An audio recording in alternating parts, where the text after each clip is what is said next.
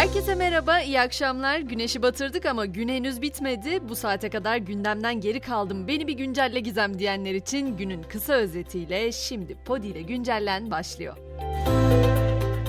Günlerdir konuştuğumuz İsveç'teki Kur'an provokasyonuyla ilgili yeni iddialarla başlayacağım. İsveç basını bir gazetecinin eylemi gerçekleştiren Rasmus Paludan'a para ödediğini ve Türk bayrağı yakmasını önerdiğini yazdı. Adı geçen gazeteci ise aslında bu iddiaları yalanlamadı ama amacının Müslümanları kışkırtmak değil, Türkiye'ye karşı bir protesto eylemi olduğunu söyledi.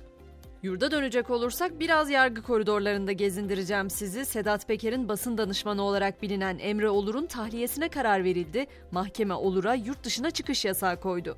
Sinan Ateş suikastı soruşturmasında ise MHP Genel Başkan Yardımcısı Semih Yalçın'ın özel kalem müdürü Emre'ye gözaltına alındı. Bugün yine çok çok konuşulan bir haberle Sakarya'ya gidiyoruz. Sakarya Barosu Yönetim Kurulu çok tartışılacak bir karara imza attı. Baro, kadın yöneticilerin katılmadığı bir yönetim kurulu toplantısında 5 erkek yöneticinin oylarıyla Erkek Hakları Merkezi kurulması kararı aldı.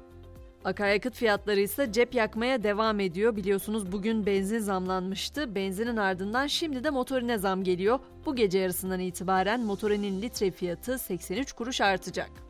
Rusya-Ukrayna hattında ise savaşın son kurbanı bir Türk gemisi oldu. Ukrayna'nın Kerson limanında Türk bandıralı gemi Rus kuvvetleri tarafından vuruldu. Saldırı sonrası kaptan köşkünde yangın çıktı ancak gemide kimsenin bulunmaması faciayı önledi. Alman hükümeti ise Ukrayna'ya 14 adet Leopard tankı göndereceğini duyurdu. Ukrayna askerlerinin Almanya'daki eğitimine de yakın zamanda başlanacak. Öte yandan Almanya 3. ülkelerin Ukrayna'ya tank sevkiyatını da onayladı. Hollanda ve İspanya'da tanklar için yeşil ışık yaktı. Gelelim uzak doğuya. Orada yeni bir hastalık türemiş durumda. Kuzey Kore'de hızla yayılan gizemli bir solunum yolu hastalığı hükümeti alarma geçirdi. Başkent Pyongyang'da 5 günlük karantina emri verildi halktan evden çıkmamaları ve ateşlerini sık sık kontrol etmeleri istendi. Bu sene çok sık kullandığım ve artık iliklerimize kadar hissediyoruz dediğim o iklim krizinin geldiği son noktayı da yapılan bir araştırma gözler önüne serdi. İngiltere'nin Antarktika'daki inceleme merkezi 150 metre kalınlığındaki Brant buz rafından 1550 kilometrelik bir buzdağının koptuğunu duyurdu. Yapılan basın açıklamasında buzdağının yaklaşık Londra büyüklüğünde olduğu vurgulandı. Tabii küresel ısınma yani iklim krizi sadece havaların ısınması demek değil aslında iklimlerin değişmesi, mevsimlerin değişmesi anlamına geliyor ya da hiç beklemediğimiz, daha önce karşılaşmadığımız hava olaylarıyla karşı karşıya bırakıyor bizi. Japonya mesela kar altında uzun süredir etkisini sürdüren şiddetli kar yağışı ülkede ulaşımı aksattı. Yüzlerce araç trafikte mahsur kalırken uzun araç kuyrukları oluştu. Bugün yapılması planlanan en az 397 uçuşta iptal edildi. Peki teknoloji sektöründe neler oluyor? Twitter'ı aldığı günden bu yana çalışanlarına fazla mesai yaptıran Elon Musk bu sefer ödüllendirdi. Twitter binasında uyurken çekilen bir fotoğrafını paylaşan kadın çalışan şirketin yönetim kadrosuna alındı. Uluslararası basında bu durum Musk'ın gözüne girmenin yolu olarak yorumlandı. Akıllı telefon sektörüne ise her geçen gün yeni modeller kazandırılıyor ama Coca-Cola'nın da bu pazara gireceği söylentisi akılları biraz karıştırdı. Farklı kaynakların farklı iddiaları var konuyla ilgili ama ortak söylem Coca-Cola'nın bir teknoloji şirketiyle anlaştığı ve telefonlarını üretmeye başladığı yönünde. Dilerim bu telefonları sadece promosyon olarak verecektir.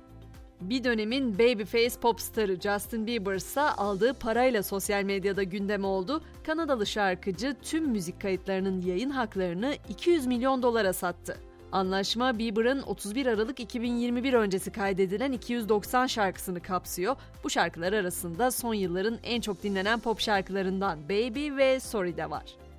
Dünyadan biraz uzaklaşıp uzayda neler olduğuna da bakalım hemen. James Webb Uzay Teleskobu dünyaya yaklaşık 500 ışık yılı uzaklıkta yaşam için gerekli elementleri içeren moleküler bir bulut keşfetti.